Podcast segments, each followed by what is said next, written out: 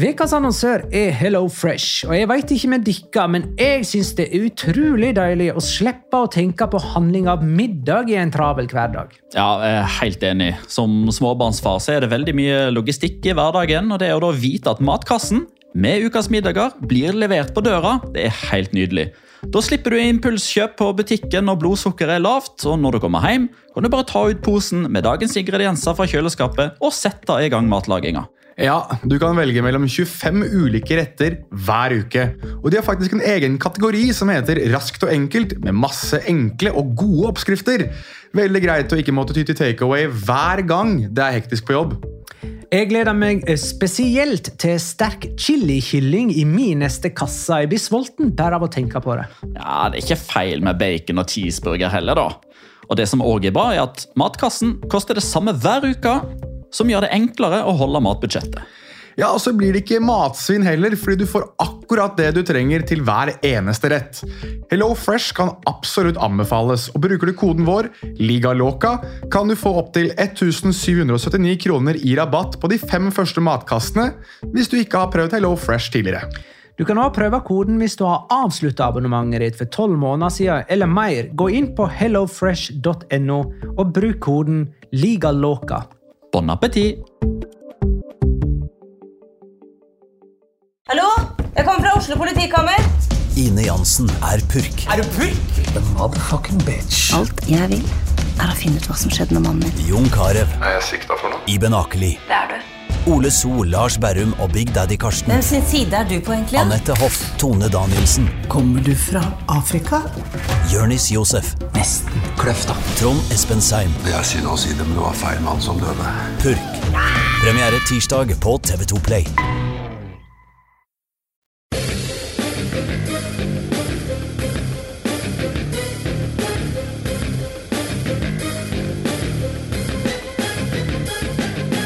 Har du sett? Denne episoden er altså ikke sponsa av et band eller en musikalsk strømmetjeneste. Hadde han vært det, hadde vi antagelig tapt 2-1 etter et overtidsmål av en som kan assosieres med et mye bedre band, som ganske lenge ikke var å finne på noen musikalsk strømmetjeneste som helst.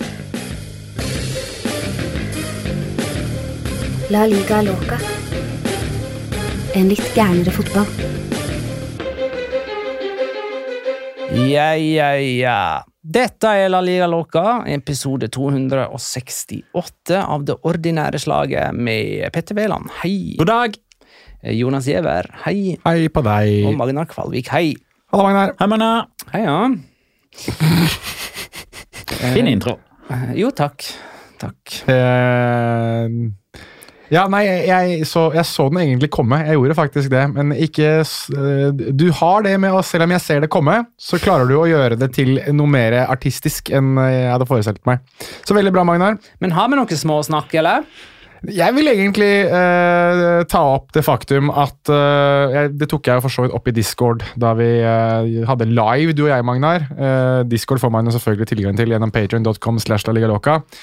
Der satt jeg og hadde en skjerm der jeg satt og så El Clásico, og på den andre skjermen satt jeg og så på eh, Petter Wæland prøve å dissekere Bournemouth Burnley. Eh, Jeg vil bare eh, påpeke at en gang i tiden så var dette en podkast der vi alle sammen var dedikerte, gjorde alt vi kunne. Hva betyr å Satte himmel, satte himmel og jord Gikk igjennom.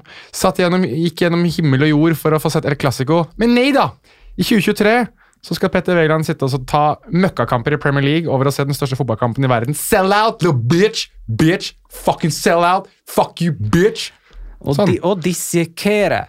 Skjære i død, organ skjære i død organisme for å granske anatomien. Uh, ja, og, ja, og, og betydning to. Granske metodisk og nådeløst. Det, det er den andre betydningen. Ja. Han Når mener. gjorde jeg det? I helga. Mens, mens eh, vi andre så El Clásico. Ja, Jeg tror, jeg tror det er det han mener, i alle fall. Ok. Jeg vet ikke hva du gjorde, altså, Petter. Nei, for det, den kampen jeg jobba med, da var Arsenal Sheffield United. Holy Men, eh, shit! Ja. 5-0 til Arsenal. ja. Flere mål. Den er ikke med i min uh, runde 11 kamp-til-kamp-oppsummering. Ikke min heller. Hvordan gikk det mellom Bournemouth og Burnley? Uh, ja, 2-1. hvordan gikk det? Ja, 2-1. 2-1. Burde vært 2-2. Andoni Raola sin første seier, da, eller? Ja. Fantastisk. Det er jo linken til. Det er jo derfor jeg satt og dissekerte den. Det er Andoni Iraola Watch. Jonas! For han hadde jo bitch. eh, fått sparken eh, med tap eller uavgjort i den kampen der, eller? Han, han tar over Celta Vigo han nå når det snart er Ja, men det eh, er velkomment. Apropos, det var første kamp i runde 11. Seks av ni kamper som jeg har sett, eh, ble avgjort med scoring på overtid.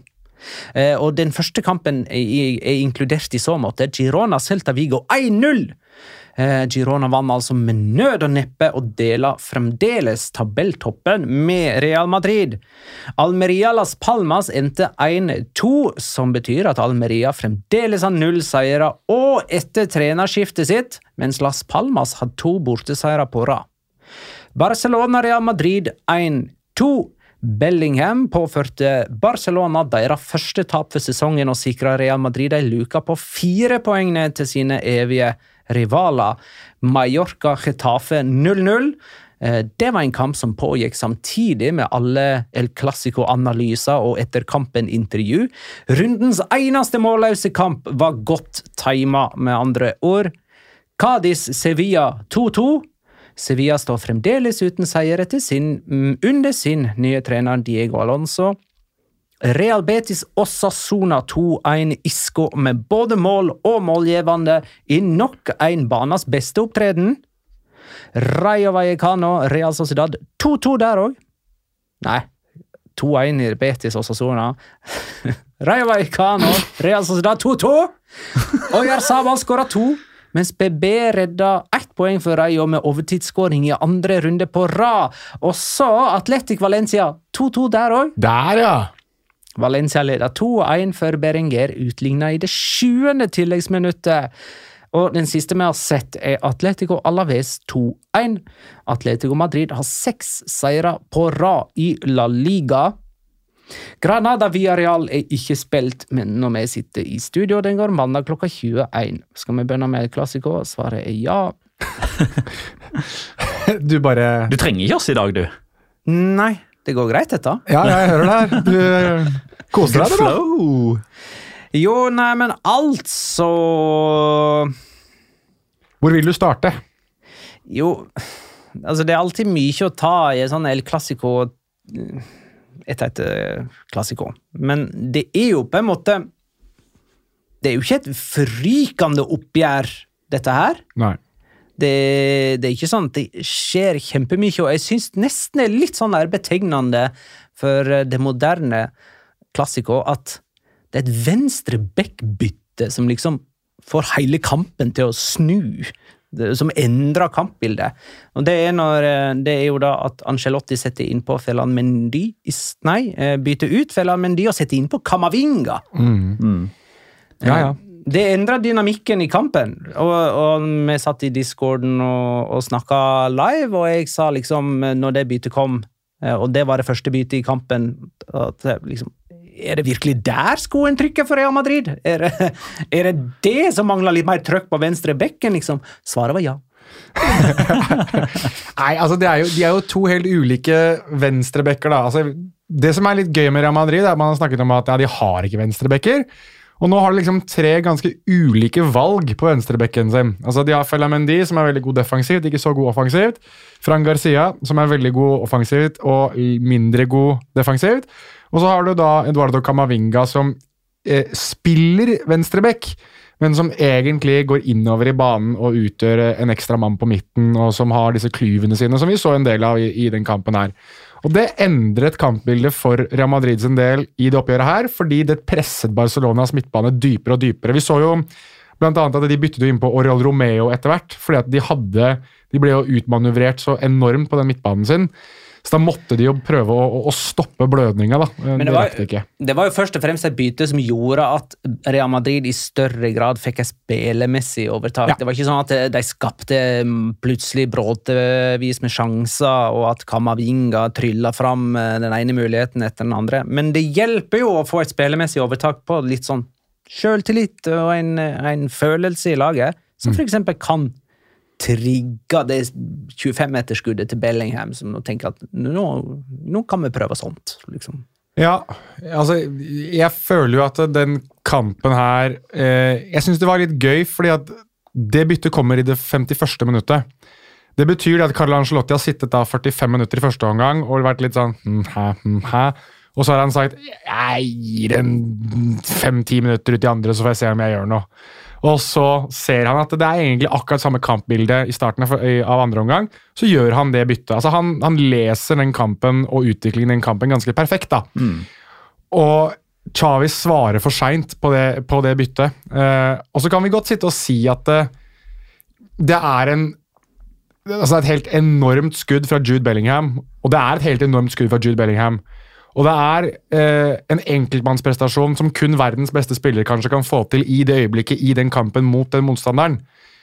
Men samtidig så mener jeg at det øyeblikket trigges av at Ancelotti gjør det byttet. Av at de får flere folk fram i banen, at Bellingham får rom og tid til å skyte der. For det hadde han ikke fått i løpet av kampen i det hele tatt. Det sa vi jo, Magnar. Hver gang Bellingham fikk ballen, så var det tre Barcelona-spillere rundt han hver gang i første omgang.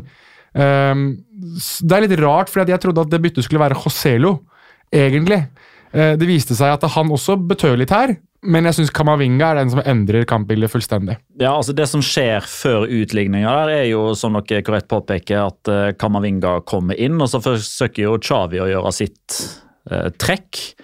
Eh, og vi, eh, i alle fall jeg, hadde mye fokus på disse spillerne som kom tilbake igjen. Men basert på den uh, halvtimen som Lewandowski leverte, så tror jeg nok Barcelona hadde vært bedre tjent med at han ikke var i troppen og ikke kom inn. For det var en mann som kom inn på gamle meritter, ikke fordi han var i fyr og flamme og endelig klar igjen. Så der Real Madrid bytta seg opp. Det kom jo Joselo og Modric inn og rett før den Bellingham, som òg spiller litt inn. Eh, Så der man liksom tidligere har eh, tenkt at Xavi har vært en god eh, Eller det har for så vidt vært veldig debattert, og er Xavi en god kampleder eller ikke? Jeg vet at det er ganske mange i discorden vår i alle fall, som er litt sånn Chavi rir inn 1-0 og liker han ikke, mens andre mener at han gjør ting veldig bra ut ifra de spillerne han har tilgjengelig, og økonomi osv. Men akkurat den, den taktiske bataljen her, det kan det ikke være noe som helst tvil om at det er Ancelotti som vinner. For det er tross alt bare femte gang i El Clásicos historie at Real Madrid klarer å slå tilbake igjen fra underlege i El Clásico-sammenheng på bortebane. Når var sist gang? Det var i 2016. Før det var i 1965. Ja, Magnar gikk gjennom når det var sist. Det skjedde i discorden. Der var jo ikke du, fordi du var sell-out! Satt og hadde Bournemouth Burn istedenfor. Stenek Suposek skriver at han syns synd på Barcelona. De eide kampen i stor grad, men hadde ikke marginer. To stolpeskudd på stillingen 1-0. Ja, Det kunne ha stått 3-0 der. Altså, Nja, det var bare ett som ble stående da det var offside på den til Fermin, vel. Var det, det offside? Ja, det ble blåst rett i bakkant. Hæ?! Var det det? Jeg fikk det med meg. Ikke jeg heller, men da var det bare en, en Jo, men eh, ett stolpetreff. Jo, så hadde Kepa den der redningen, men det var vel kanskje i samme sjanse som uh, Inigo Martinez hadde i stolpen. Ja, det Altså tror jeg er sånn riktig. type Ja. retur og så hulter etter bulter. Um, mm, jau, jau. Begge lag spilte uten en klassisk nier. Ja, Altså, og begge bytta lag brukte jo vinger som spisser. Begge bytta innpå en. Ja. Ja, det er sant. Ehm, men, Men, altså, eh, Real Madrid har egentlig ikke spiss. For Joselo er en backup. Han er, ikke kjøpt, altså han er den eneste spissen de har, men han er kjøpt som backup eller blir brukt som det. Mens Barcelona starter uten Lewandowski, da, som du sa. ja, og de som starter som spisser, har ikke lyst til å spille spiss. Nei, ikke sant? Eh, og dermed så var det jo egentlig bare Det var Bekka som skulle holde bredden. Ja. Kan du strengt tatt si at du sa at uh, Real Madrid bytter inn på en backup, sånn som Lewandowski spiller også, så burde han være backup. Ja, ja. ja. Han burde det. Uh, nei, altså Peter Losvik skriver kunne Real Madrid blitt enda skarpere med en solid nier, som Vini og Rodrigo kunne assistert. Eh, eller kunne det ha gått utover det rommet som Bellingham liker? Det er jo for så vidt eh, en eh, legitim eh, problemstilling, det. Det er en, et, et vel, en veldig interessant innskytelse. for Det er veldig lett å tenke å, tenk så gode Real Madrid hadde vært hvis de hadde hatt en nier. Om det er Mbappé, eller om det er Ossimen, eller om det er Haaland. Harry Kane. eller Harry Kane. Lett å få vann i munnen av den tanken der, men spørsmålet er jo liksom hvor mye hadde Jude Bellingham i hermetegn tapt på det? For det er jo veldig ofte det rommet han oppsøker. Det er det at han kan ta de dype løpene inn i boks. Det er fordi det er ingen som opptar det rommet som han løper inn i. Nei, men jeg, jeg må bare si jeg, sag, jeg savna da disse klubbene, eh, skråstrek laget, var liksom store motpoler og representerte ulike ekstremiteter. Ja, nå er det mye likt, vil De si. De spiller helt likt. Ja. Før så kunne man kanskje si at Real Madrid var liksom den store markedsavdelingen, mens eh, Barcelona var La Masia og eh, que un ei- club. Mes, mer enn en klubb og alt det der. Men ja, deres mas markedsmaskineri Hvem er det som kaller det Spottilona? Altså, det overgår jo alt jeg har sett i, i moderne tid. Nesten, tror jeg.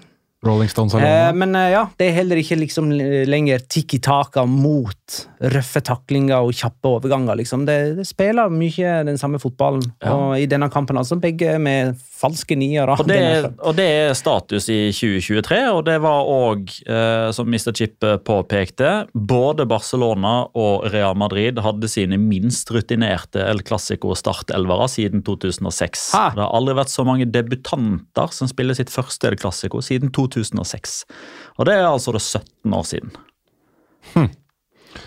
Ja, altså Og så kommer jo det interessante. Og det er jo det en av debutantene sier etter kamp. Ja. Som jeg vet at dere har bitt dere merke i dere òg. Ilkay Gundogan. Som har spilt Manchester Derby, som har spilt Revir Derby, som har spilt Der Klassiker.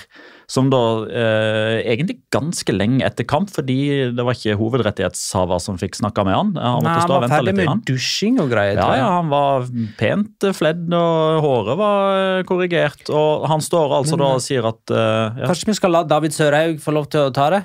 ja. Eh, Har Gundogan et poeng i intervjuet der han mener at spillere ikke er sure nok etter et eh, tap i en sånn kamp? Ja, jeg syns det er et veldig godt poeng. For hvem er jeg til å si at Gundogan ikke har et poeng? Hvem har vært i den garderoben, og hvem har ikke vært der? Gundogan har åpenbart Jeg er litt usikker på om jeg skal definere det som at han har sett noe han ikke liker, eller om han ikke har sett noe han liker. For det er jo åpenbart at det har vært en forskjell på mentaliteten og stemninga i Barcelona-garderoben sammenligna med de ganske få tapene han har vært med på i viktige kamper før. Dette er en mann som er vant til å vinne, og som veldig ofte har stått fram for Manchester City i de viktige kampene, skåra viktige mål. Og så synes jeg at vi får en litt sånn ny bekreftelse på at det rivaleriet nå, det kommer alltid til å være der, og det er alltid over stort sett alt annet. Men når Aurelien Chouameni da går ut og nærmest bare unnskylder Gavi altså, Nei, det var ikke Gavi som skada meg. Pass på at ikke, ikke kast dritt på Gavi. Altså, Det hadde aldri skjedd for ti år siden. Altså Konteksten her. Chouameni ble skada ute i to måneder. Uh, Gold TV finner bilder der Gavi tråkker på Chouameni. eller Det er en situasjon mellom de to, og de regner med, de går ut ifra at det er her skaden oppstår, og det er Gavi som da i hermetegn er skyld i det. Det blir eh, saken. Det er det som blir debattert. Det blir litt sånn skittkasting fram og tilbake. igjen, Og så dagen etterpå så retweete eller re-instagram Jeg vet ikke hva for et sosialt medie han Regram. brukte. Mm. Regram. Eh, da tar liksom Chouameni Gavi i forsvar og sier nei, det var ikke han jeg skada meg på slutten av første omgang. jeg.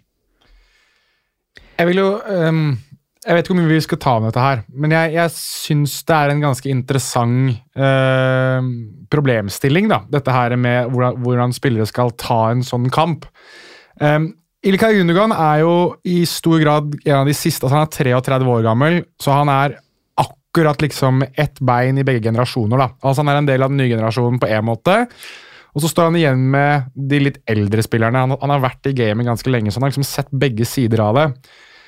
Og det jeg legger veldig merke til, er jo at det er en del fotballspillere som lar seg eh, både motivere og imponere av f.eks. basketball. Da. Og det ser vi i veldig, veldig stor grad hvordan man er noe som også kalles bag chasers i, i basketballen. Og bag chasers er jo veldig ofte de man anser som spillere som spiller ene og alene for å tjene mest mulig penger. Get that bag osv. er liksom hashtag som betyr at man vil at en klubb skal, eller et lag NBA skal betale de mest mulig penger. Så du tar det, det tilbudet som er høyest, uansett om det er et møkkalag eller om det er et lag som kan vinne tittelen. Um, jeg lurer på hvor mange av de du egentlig har i fotballen, men som man ikke snakker så høyt om i disse dager. Altså, det er så mye penger i fotballen. Det er mer penger i basketballen, men det er så mye penger i fotballen at jeg tror at det er en del av de spillerne i garderober rundt om i hele verden, også i garderobene til Barcelona og Real Madrid, som spiller fotball, men er ikke like interessert i det som de er i å tjene penger. Jeg hørte en veldig bra eh, podkast fra The Athletic i sommer som gikk gjennom karrieren til Lionel Messi. Og da var det, eh, Blant annet så spurte man eh, hva er egentlig Lionel Messi interessert i. Og man hadde ikke klart å finne ut hva han var interessert i utenom penger. Han var interessert i penger. Lionel Messis interesse var penger. Og så er det litt med det at jeg tror ikke Lionel Messi er blant de som er sånn når han taper et klassikord, når han taper en VM-finale, eller når han vinner en VM-finale. Men jeg tror likevel at han på veldig mange måter eh, kanskje understreker litt det som har vært en utvikling. At man ser at det er veldig mye penger i fotballen. La oss prøve å tjene mest mulig penger. Da har det ikke så mye å si om man taper en fotballkamp i ny og ne, selv mot Real Madrid, selv mot Barcelona. Men eh, kanskje ikke Gundogan så Gavi som grein? Og tok til tårene etter kampen? Ja, Eller han kanskje han bare tenker at uh, ok, én griner, resten, resten av oss ser ut til å ta dette helt fint. Jo, men, ja, men der har du jo på en måte motpolen til det. Det eksisterer jo sånne spillere òg, som altså går så ettertrykkelig i kjelleren med et tap. Altså, og De spillerne er jo de man hyller, og som man tenker at 'han forstår klubben min', og alle de tingene der ikke sant, som vi snakker om. At 'han er en del av oss'. ikke sant, Det er, det er de spillerne vi gjerne snakker om på den måten. da. Um, Gavi hadde vel faktisk ansvaret for å pakke inn uh, Bellingham. Han, han lå i en dypere rolle. Kjempekamp. Eh, Og det er flere også som påpeker at uh, Oriol Romeo, som altså ikke starta denne kampen, uh, han har lidd av at Frenkie de Jong har vært skada. Altså, er, er det en sånn sammenheng der? At Oriol Romeo fungerer best sammen med Frenkie de Jong og er helt ubrukelig uten? Nytt for meg. Ja, meg. Men han bidro ikke med stort når han kom inn, det skal, det skal sies. ja, ja. Det skal sies. Eh, vi har en runden spillernominasjon fra denne kampen her. Ja, det er vel muligens den mest Den klareste runden spillernominasjonen jeg noen gang kommer til å komme med. Eh, altså, jeg sa i opptakten til den kampen her at jeg trodde ikke at dette kom til å bli en sånn El Clasico jeg kommer til å gå tilbake til og tenke at uff, uff, altså det var finspillende El Clasico. Dette, var, dette er liksom stilstudie i god fotball og sånn. Men jeg tror jeg kommer til å gå tilbake og se den kampen av nummer én, dramaturgien i den, og to, det at det er den kampen tror jeg som kanskje er det første marquee-øyeblikket til én spiller. Og den spilleren han heter ikke Jude Bellingham, han heter Gud Bellingham. Og, og det er altså på et punkt nå der han gjør absolutt alt på banen for Real Madrid. Han er kong Midas, altså. Alt han tar i, blir til gull. Og da er det liksom Han kan ha en vanskelig og egentlig dårlig førsteomgang, og så kan han si plutselig i et øyeblikk at Nei, nå er det på tide at jeg vinner den kampen her, så nå skyter jeg nesten stillestående fra 25, og den dunker jeg i nesten i krysset bak, bak André Ter Stegen. Og så venter vi til klokka passerer 90, og så skal jeg bare dukke opp inn i boksen så skal jeg vinne den kampen her for Real Madrid. Og så står du og feirer med den største selvfølge. Det er ikke noen sånn bananasfeiring heller. Det, det, det er Jude Bellinghams egen feiring, fordi selvfølgelig er det Jude Bellingham. Selvfølgelig er det Gud Bellingham. Jeg er veldig enig i nominasjonen. Men altså Hey Jude har jo allerede inntatt Santiago Bernabeu. Tror du det blir en mye sterkere sang for dem eh, nå som eh, Barcelona sverger til Rolling Stones? Ja, det At det, at, at det blir liksom Beatles mot Rolling Stones når Real Madrid eh, og Barcelona-rivaleriet fortsetter framover? Villarreal og Real Madrid inngår samarbeidsavtale nå med The Yellow Submarine og Tenk at anglofili, anglofiseringen Anglofiseringen. ja, anglofiseringen av Spania skulle, skulle bli sånn. Ja, tenk det. Bellingham, jo, men bare for å dra videre, da. da. Altså, um, snakker vi der hva skal jeg si, Tidenes impact av en spiller i en klubb bortimot noensinne? Altså, Jeg vet at jeg kanskje er litt historieløs og at jeg kanskje er litt vel tabloid. Og sånn, men Nei. altså, mannen har nå altså, i La Liga da, ti mål på ti kamper. De tre foregående som gjorde det, er en av de største målskårerne i moderne tid. Robert Lewandowski. De to som gjorde det før han, er Romario og den brasilianske Ronaldo. Eller tenker, brasilianske Ronaldo, den ekte Ronaldo. Sånn var det. Jeg syns du, synes du skal sette litt sånn alderskontekst her. Det var noen som påpekte at eh, den ekte Ronaldo var ganske ung da han gjorde det for Barcelona, han òg. Men jeg husker ikke hvor ung han var. eh, i sin Men farta. Bellingham er yngre. Ja, men, men Mm, nei, 20? Jo. var ikke det 19 år eh, Ronaldo var da han peaka? Var ikke det i 95-96-sesongen at han hadde den der eh, 96-97. Var 96-97? Ja, det vet jeg. Eh, for der, det, jeg har drakta. Jo, jeg mener han var født i 77, altså. Uh, han er født i 76. Mm. Ja. Så da er han faktisk ett år eldre enn det Jude Bellingham er nå, da. Eh, da han Da var nå han var 20, da. Ja, 20 20 ble 21. 96, 97. Men la oss nå uansett si det sånn. Hvis sammenligningen til Jude Bellingham er den ekte Ronaldo i piken sin, så er ikke, er ikke det så altfor verst. Um, Nei. Jeg syns uansett at uh, i min levetid, da, sånn, hvis du skal bare ta med Ronaldo, men, men jeg var litt ung da, men sånn jeg har aldri sett en fotballspiller påvirke en klubb på så mange måter i en så ung alder etter så kort tid i klubben som det Jude Bellingham gjør. Og da, men da snakker vi klubb som altså, typ megaklubb. da, typ Real Ja. Bayern, Manchester United Ja, og altså, så til, og er det, det er veldig fint og flott å si liksom ti mål på ti kamper eh, i ligaen og 13 på 13 i alle turneringer, men de 13 skåringene, det er liksom ikke altså, Det er ikke sånn at fire av de kom i 8-0-seieren mot Las Palmas, og to av de kom på overtid når de uansett leda 2-0 mot Retafe, liksom. Altså, Sju av de skåringene har vært direkte medførende til Real Madrid vinner eller spiller uavgjort istedenfor å spille uavgjort eller tape. Tre ganger har han avgjort en kamp på overtid. Men eh, kan eh, man også si at Kan man òg spørre omvendt at eh, har, har noen gang en klubb hatt større innflytelse på en spiller? Har godt spørsmål. Ja, jeg ser hvor du vil hen, men samtidig så tror jeg de aller fleste var litt sånn overbevist om at Jude Bellingham Real Madrid kom til å funke. Men kanskje ikke at det funka så ekstremt, bortsett fra Magna, da. Det, altså, ligger han bak eller foran skjema på 36 nå? Nei, 32 var det. 32? Ja, da Nei, ligger han foran skjema. ligger faktisk litt framfor. Ja, så Men selv, så har selv den største optimisten har jo vært pessimistisk her. Serafian skriver historiens første El Rolling Stonisko Stonesico eh, ble vunnet av Real Madrid. Hva er sannsynligheten for at seriegullet havner i Madrid nå? Nei, Jeg tror jo at Atletico Madrid vinner, jeg da. Det har jeg jo sagt. Eh, så jeg må jo Det stå har du ved det. faktisk sagt. Ja, jeg står vel på Barcelona. Det er du som hadde Real Madrid, var ikke det? Jeg hadde det, ja. Ja. Ja. Så da, og, og det som skal sies da, Nå er de jo serieleder, de har A-poeng sammen med Girona. Eh, Atletico Madrid kan komme opp A-poeng hvis de slår Sevilla. Og det er liksom til tross for at de allerede har un- unnagjort tre ganske sånn små, stygge bortekamper. Der de riktignok har avgitt poeng i to av de, men de er, liksom, de er ferdig med Ramón Sánchez Pijuan, de er ferdig med Civitas Metropolitano, og de er ferdig med Montjuic. og ferdig med San Mames. Og ferdig med San Mames. Så de har, ja, det er, Mm. det er kanskje de fire verste, nesten. det. Ja, ikke langt unna. Ja. Ja. Eh, Heksegryte med steia liksom ikke Det var egentlig et litt sånn morsomt spørsmål fra Fredrik. Hva skjedde med Alvaro Rodriguez? Eh, for uh, apropos Joselu. Den spanske Haaland. Ja, altså Alvaro Rodriguez som vel, Var ikke det forrige sesong at han utligna i, El- Jo da, i det var Derby når vi hadde eh, arrangement det på pokalen. Ja, ja, ja. Og han var en skikkelig nier. ja, ja. Egenprodusert nier. Hørte aldri noe år, mer igjen.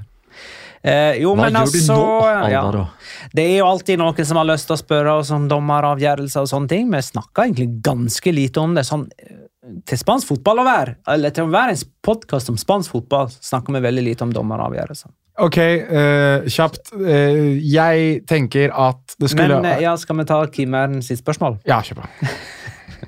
Kan noen forklare meg hvordan man i VAR-rommet og via dommeren ikke dømmer straffe på situasjonen mellom Kamavinga Camavinga og Araujo i minutt 79? Nei.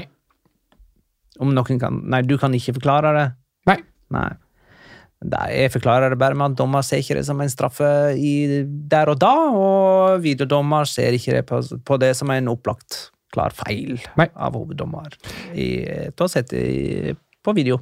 Nei, Og så er, det- er det en situasjon i første omgang òg der vel Hvem er det som blir dratt? Chouameni dreier vel i Araujo, er ikke det? Mange mener at det skulle vært et straffe Ja. også. Så Fram og tilbake like langt. Trill Manzano var god.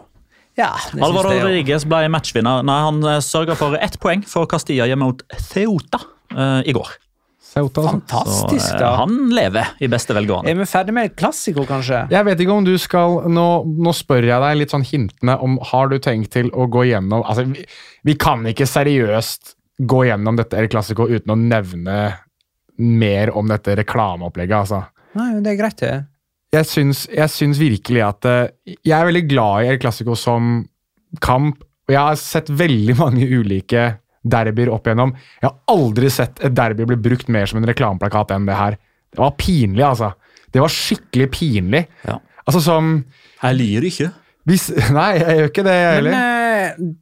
én ting er jo at uh, det er Rolling Stones skråstrek Spotify som sponser Barcelona. Ja.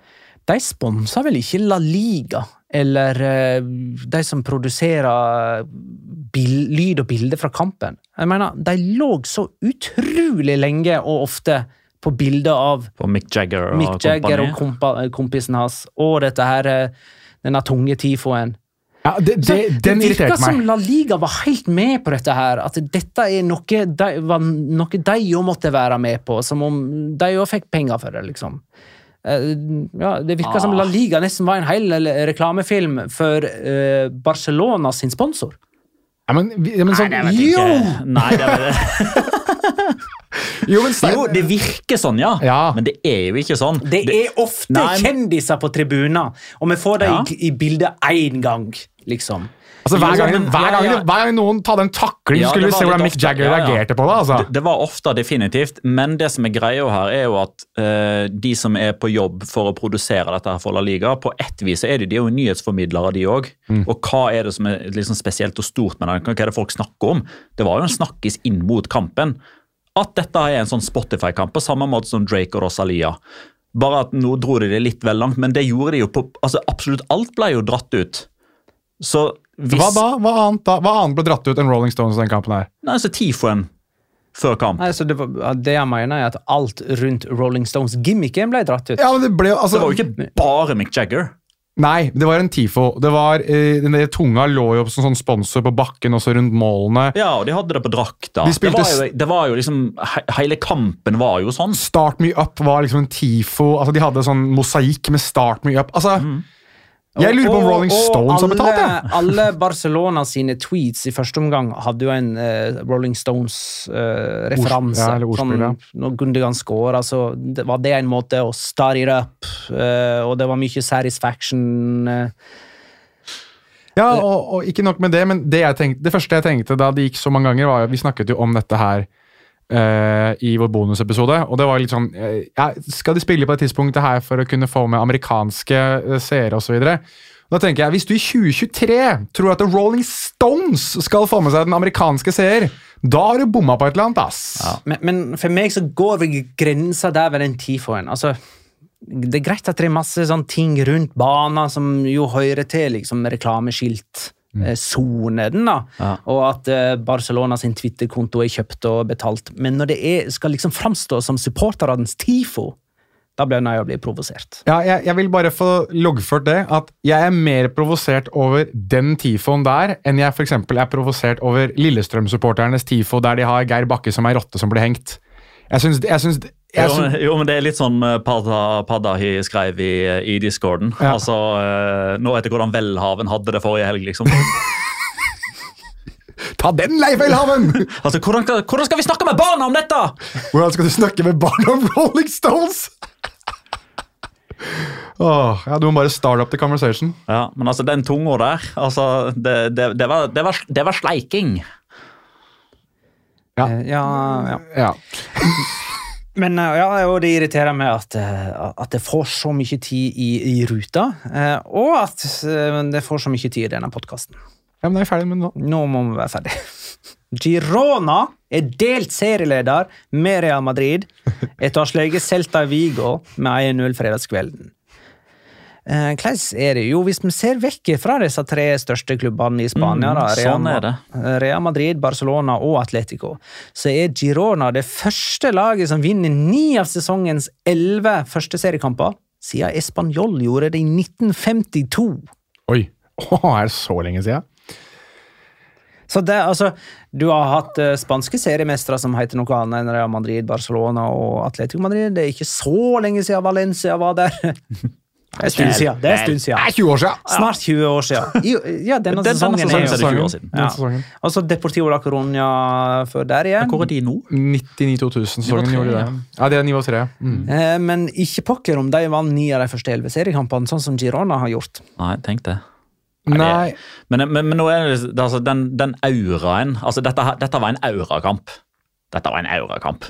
Her er det lov å la seg frustrere sammen med Rafa Benitez, Ja. ja. syns jeg. Altså, altså Her er det god aura som bare gjør at denne kampen her altså, den, altså Girona, dere, bare, altså, dere tar den her til slutt. Celta, det er Rafa Benitez tar seg setter ned. da. Du reiser tomhendt hjem i dag òg. Det er veldig sånn eh, Det er derfor jeg ler litt innledningsvis her, fordi eh, nå er liksom Alt går mot Rafa Benitez nå. Altså, Her er det jo en situasjon der Girona-keeper Gazzaniga mister ballen, og så kolliderer med en Celta-spiller, og så skårer Celta Vigo, og så blir det frispark til Gazzaniga, eh, og dermed altså Celta-skåringen annullert. da. Du, må, du må huske Post, og det var på stillingen 0-0. Du, du må huske at uh, Celta hadde jo ikke en lik situasjon, men de hadde noe som minnet litt om den situasjonen i forrige serierunde selv. Da deres keeper mistet ballen, og hvem var det? Var det Ivan Villar? var det ikke det? Som Ja. mistet ballen, og så rev ned. Alvaro Marata. Ja. Ja.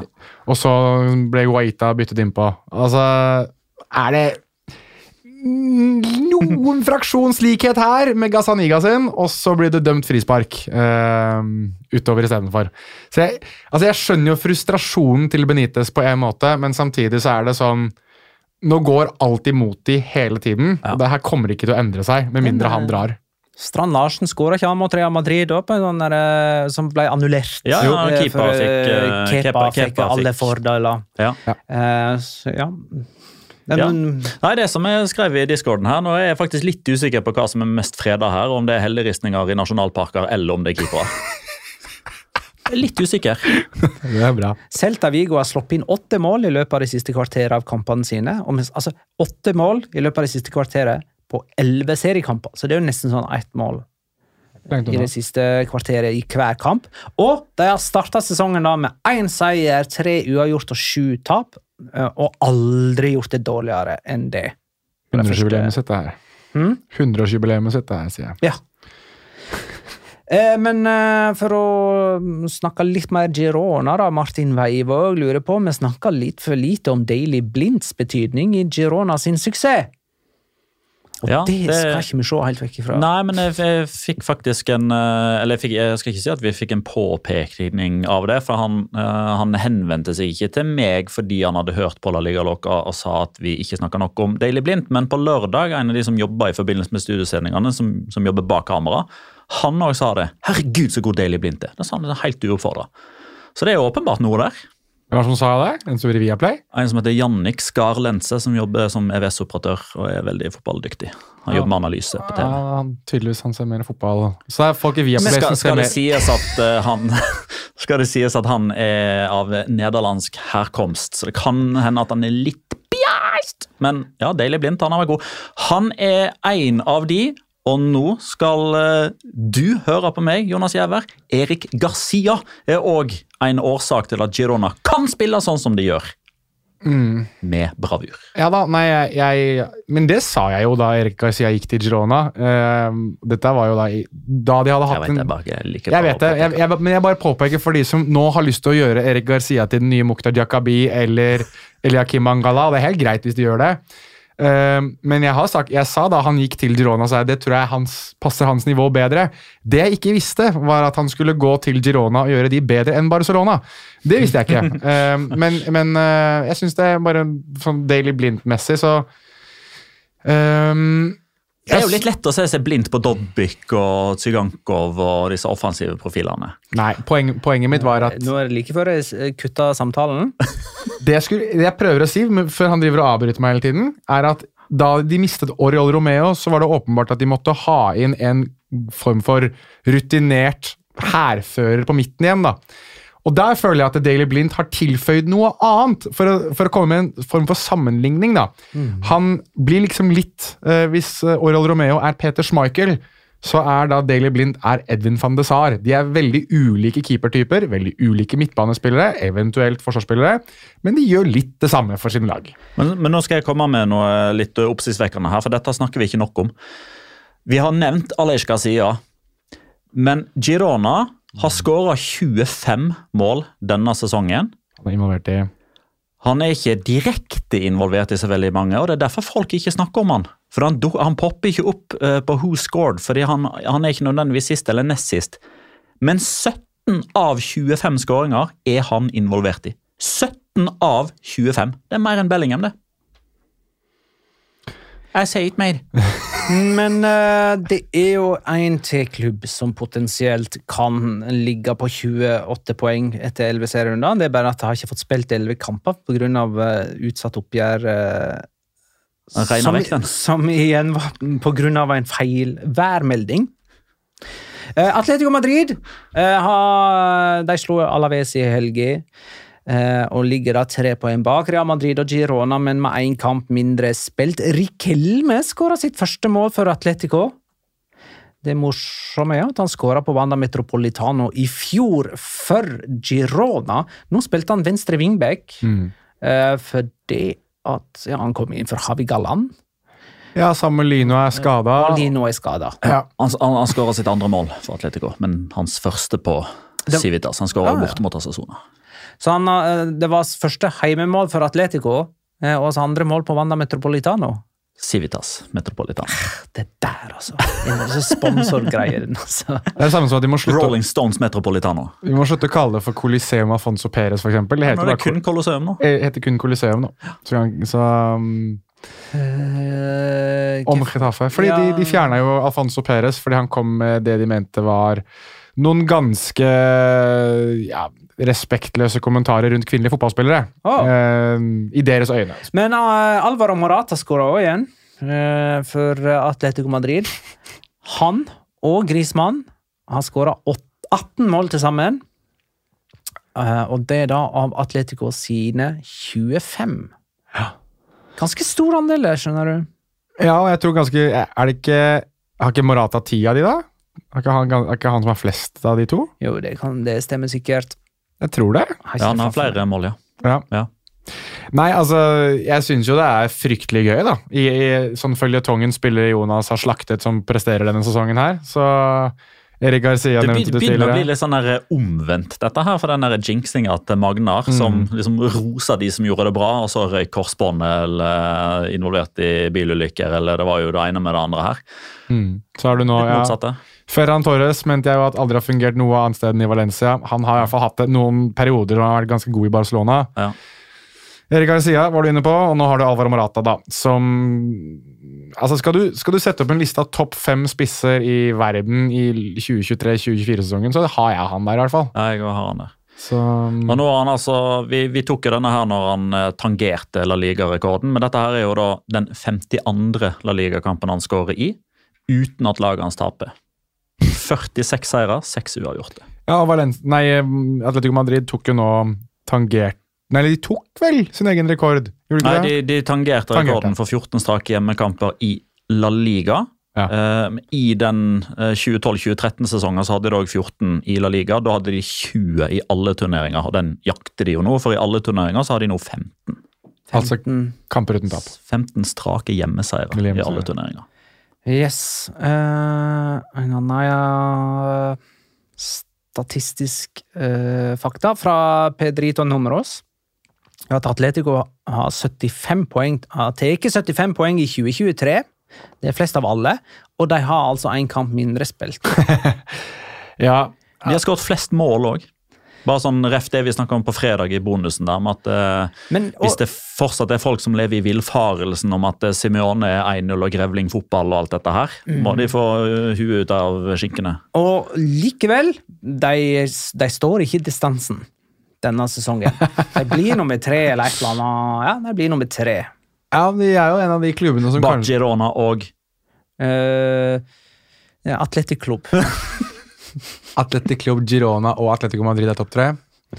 Vi er real nummer fire, da, eller? Dette her er en sånn FM-save som har stått på litt for lenge på feriemodus. Skal vi hoppe til Atletic Club, da? Kan det. Eh, de møtte jo Valencia hjemme.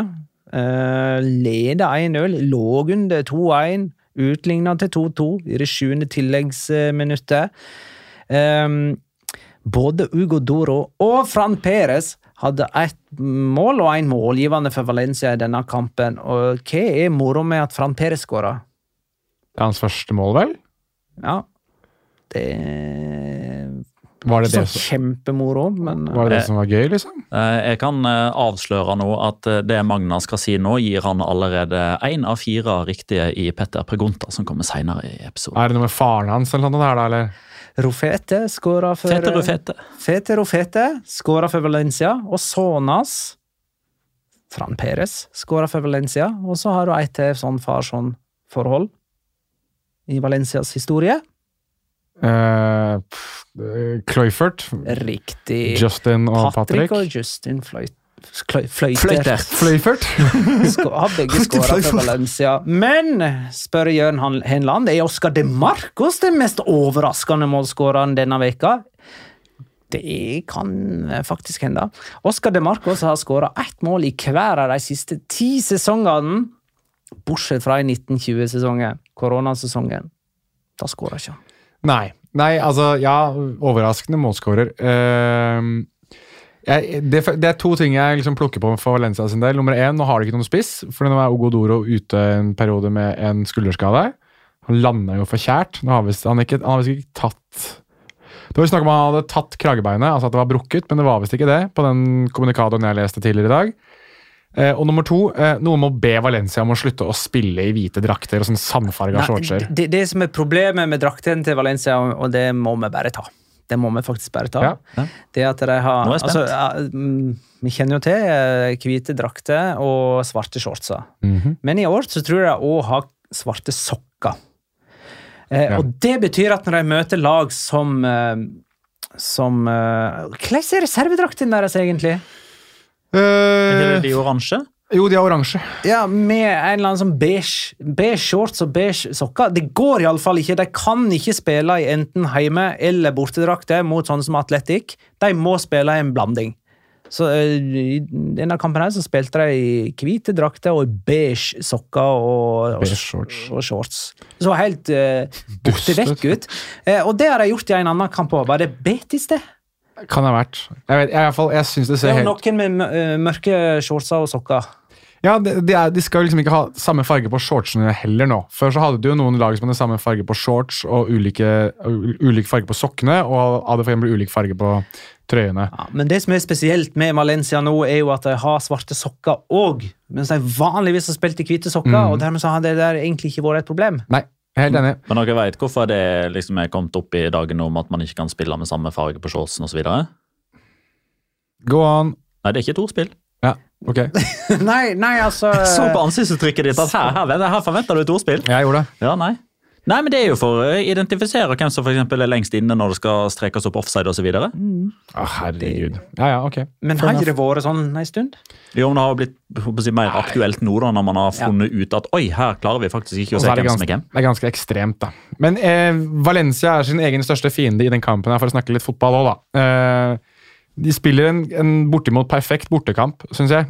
Kontrer inn to skåringer mot Atletic Club som eh, vi ikke, liksom ikke klarte å komme seg gjennom en sånn slags forsvarsmur som Valencia hadde satt opp, som var overraskende solid. Jeg syns Mosquera er veldig, veldig god. Han tror jeg Og når de kom gjennom, så hadde de en mur til bak der igjen. ja, i Mamadashvili, som var helt guddommelig. Han, han er jo bare god. Ja. Um, men uh, der de er sin største fiende, er at mot slutten her, altså i det femte tilleggsminuttet, det er lagt til syv, så prøver de å gå for 3-1, der de istedenfor burde spurte inn mot corneren til Athletic. Ikke sant? Der mer rutinerte spillere hadde skjønt det at vi trenger ikke den skåringa, bare la oss få klokka til å gå. Så skal de prøve å få en, en siste scoring. Og der taper de faktisk to poeng i den kampen her, altså. Um, hadde det vært uh, litt grann kyla, litt grann mer rutine, så hadde man eh, altså holdt på å si, safa inn tre poeng med å stå og tulle opp i en corner. Valencia er helt oppe på niendeplass med 15 poeng. Ja. Og det er fortsatt akkurat der de var på dette tidspunktet i fjor. Ja, nei, det var ikke nedrykk det lukta. Nei, de, Eh, luk jo, det, de gjør jo det. det. Det er jo ikke langt, Altså Hvis det er akkurat der de var i fjor. Det De er akkurat der de var i fjor! Kommer et punkt der hvor de begynner å tape sånn 7, 8, 9, 10, 11, 12, 13, 14 kamper på rad. vet du.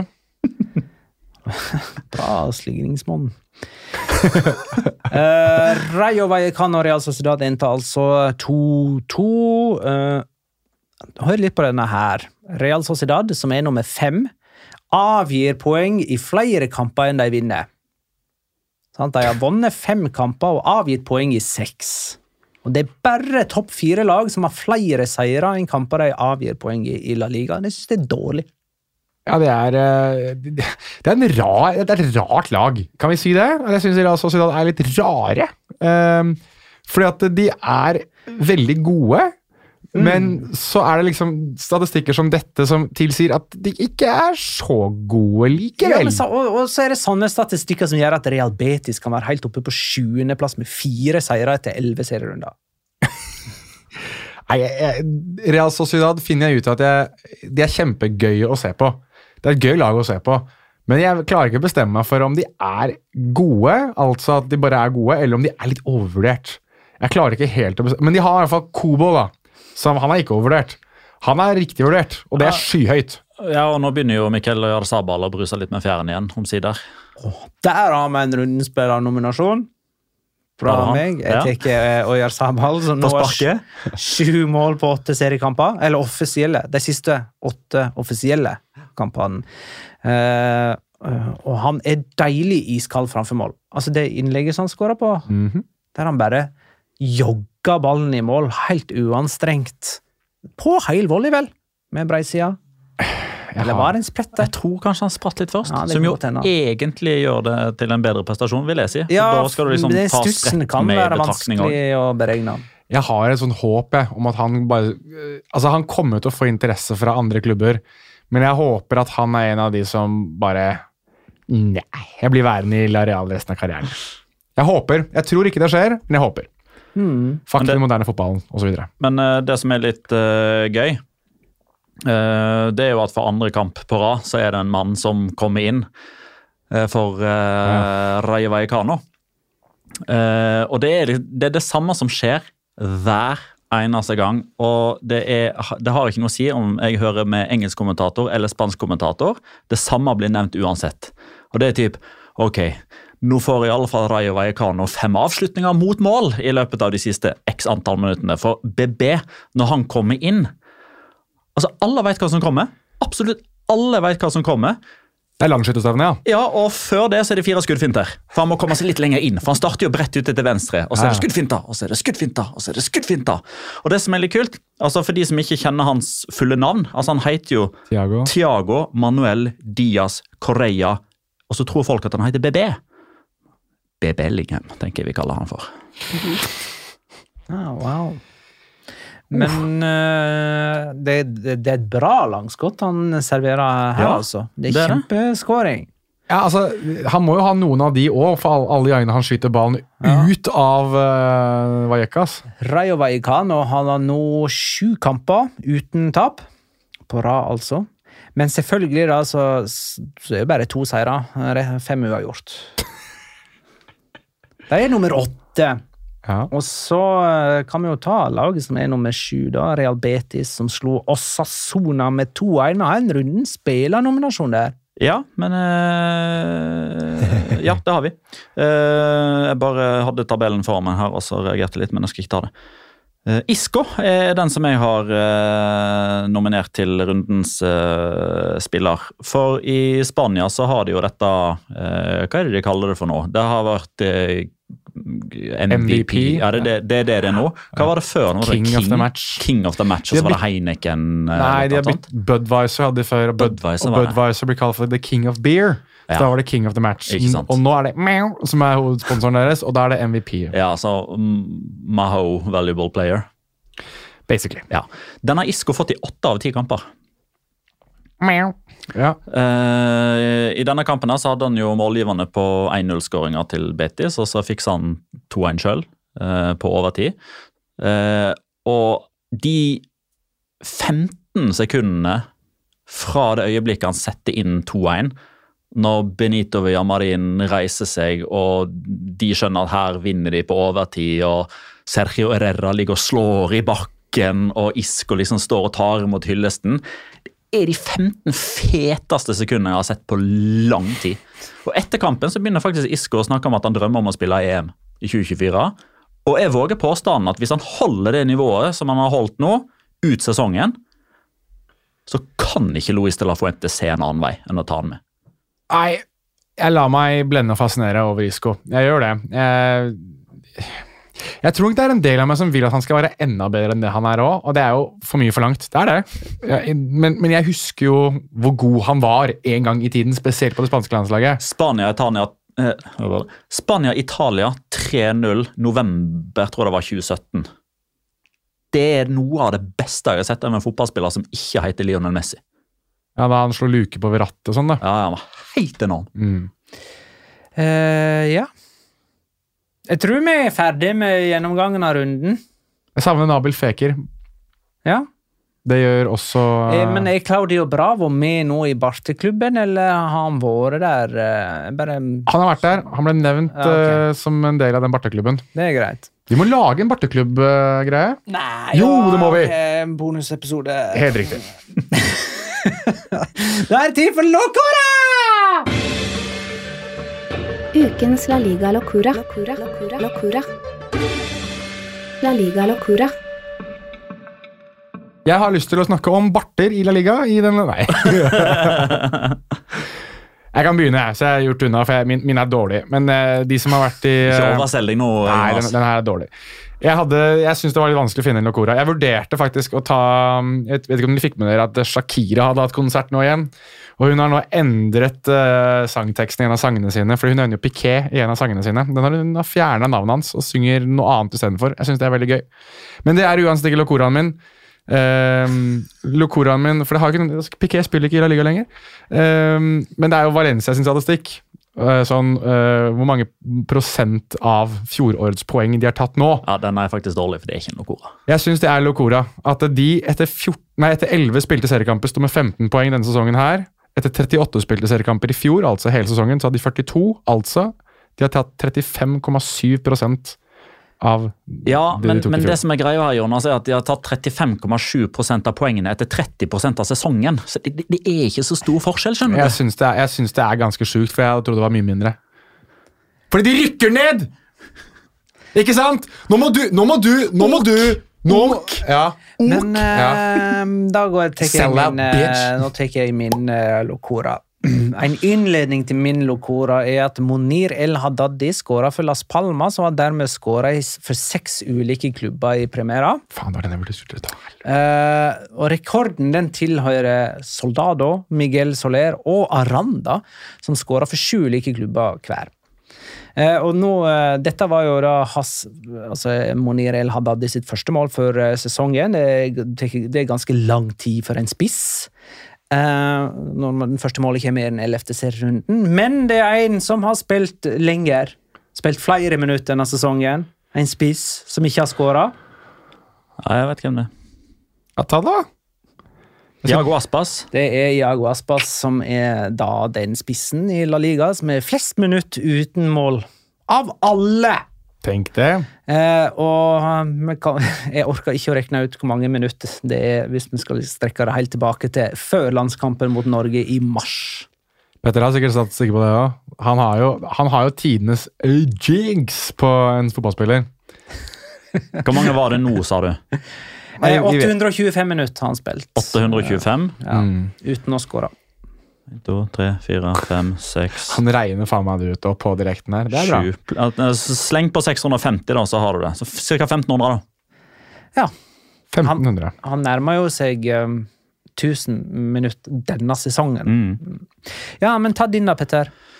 Eh, min locora er um, alt som har skjedd i overtidsminuttene, eller i tilleggsminuttene, i denne La Liga-serierunden. For det starta jo fredag kveld, da Jangel Herrera ble matchvinner for Girona i det 91. spilleminutt.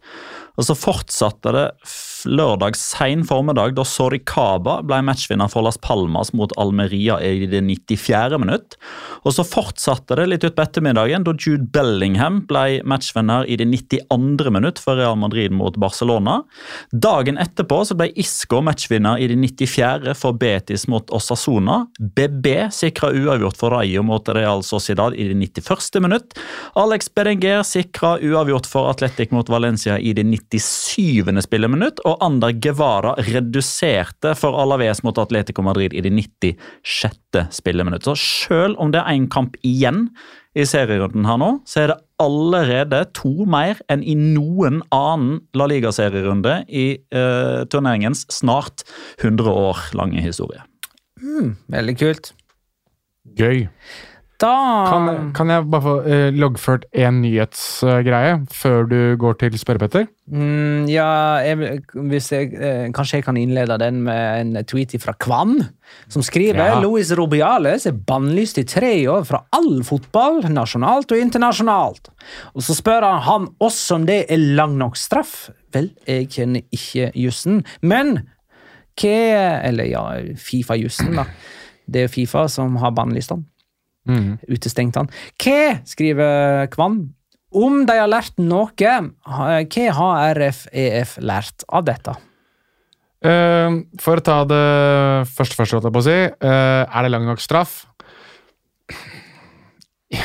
Ja Det er jo ja. for å tvinge på seg dette kysset fra, på Jenny da. Altså, Du kan jo godt si det sånn, og så er jeg, jeg er mer nysgjerrig på om det blir noe strafferettslig her. Da, egentlig At han skulle utestenges en stund, det syns jeg er helt greit. Altså, Kunne godt sikkert ha gitt han fem år, ti år. Jeg hadde ikke liksom sittet og tenkt at det var for kort heller. Men tre år, ok. Uh, det RFEF har lært Uh, Ikke ansett eh, masochister eh, som er uh, selvforhøyelige. Altså, Ja, ja, men jeg håper jo at de har lært at eh, de må slutte med simple bortforklaringer og fabrikkerte sitat. Oppfør dere ordentlig, tror jeg er det de burde ha lært seg. Altså sånn oppriktig. Oppfør dere. Ja. Te dere som folk. Nei, men eh, Ja, og at det finnes et lovverk og et reglement, og at man ikke kan beholde jobben bare ved å stå og si at jeg eh, kommer ikke til å trekke meg. Ja, det, er fall, det er vel det han burde lært seg. Altså, ikke anse duster. Men da er det tid for spørrepetter.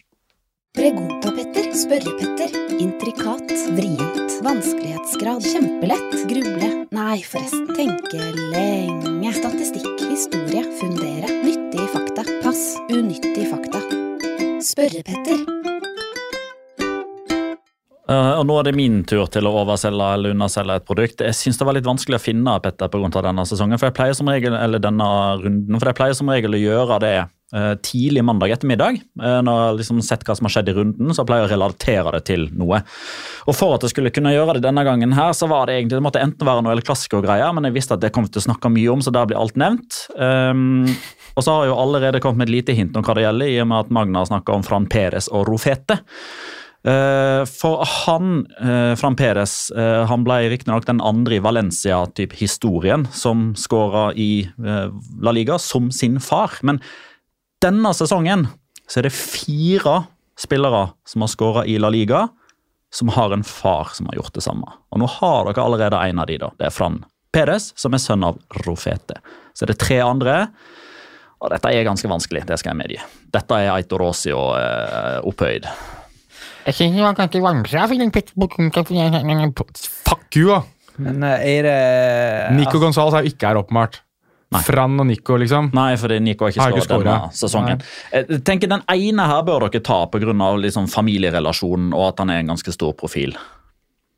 Men er dette folk som skårer for første gang? Nei, som bare har generelt skåra mål i La Liga denne sesongen. Og det kan de ha gjort forrige sesong. Og Ja da. har Marcos Alonso skåra i år?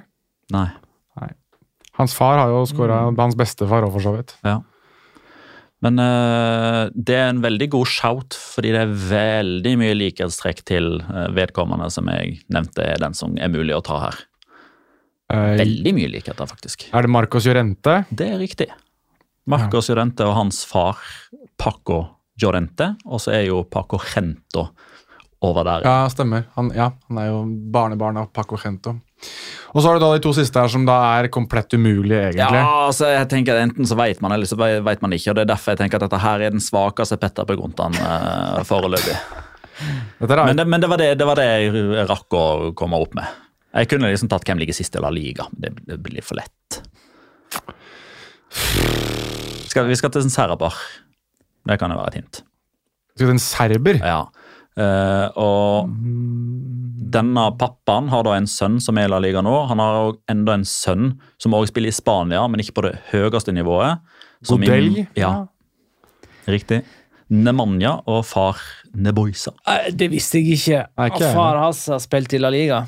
Det forklarer hvorfor han snakker så bra spansk. da. Han har fått veldig mye eh, ros for hvor god han er i spansk. Mm. For det var jo det var mye sånn folk som var da han var ska... Nei, da han var ehm, Han var jo ute med korona en gang, og da snakket han jo Ja. på video. Og da var han jo helt flytende i spansk etter å ha Ja. vært der et halvt år eller noe sånt. Ja, og så er han jo òg broren til Dragisa Godel, som falt om for Cordoba tidligere i vår med, når hjertet stoppa. Ja. Uh, Neboisa Godel har for øvrig da spilt og skåra i uh, La Liga for Logroñez i 94-95-sesongen, Ja, for de som holdt pusten og lurte på det. Ja, Sistemann her, da. Vi må ha noe hint hvis det er altså Sånn som det her er null sjanse i havet, ikke sant? Nei, men altså, du er veldig eh, Du er den som har snakka opp denne spilleren her klart mest av oss tre. Nå snakker vi sønnen, da. Ja, Sandiao, da. Nei, Eh, skal litt lenger nord i landet. Du har meint at eh, denne vedkommende her kan liksom gå i rekka av noen ganske flotte spisser i samme klubb. er det Dobbik? faren til Gaisa Goroseta eller noe sånt? eller? Eh, Gorka Goroseta, ja. Ja, Shabier Goroseta. Jøss, det var en Så med litt, litt hint så tok dere det. Det Ja. er jeg imponert. Vi glemte å snakke om Cádiz Sevilla, men er det noe å si? Ja, eneste der er at eh, skal Sergio Ramos ryke rett ut etter tre minutter der? Ja, han skal jo det, for det er et slag. Ja, og så kan du jo ta hans navnebror, da. Chris Ramos, som faktisk hadde en veldig emosjonell kamp her. Mm. Altså, Han mistet jo sin bestefar og var veldig ned... Altså, Det var gjort et poeng ut av han hadde vært veldig veldig nedbrutt. At det hadde gått skikkelig inn på han. Og da fikk en scoring og kunne hylle sin bestefar. Som jeg syns var et ganske fint øyeblikk. Ja, jeg synes det var veldig fint av Nyland å slippe inn den. Og tilbake igjen til Sergio Ramos, som skåra og rakk å kysse klubbemblemet til Sevilla før skåringen ble annullert for offside. Det er det mest Sergio Ramoske i den, den, eh, så langt denne sesongen, vil jeg vel nesten mene. Men da er det, Da runder vi av. Takk for at du lytta, kjære lytter. Ha det, da.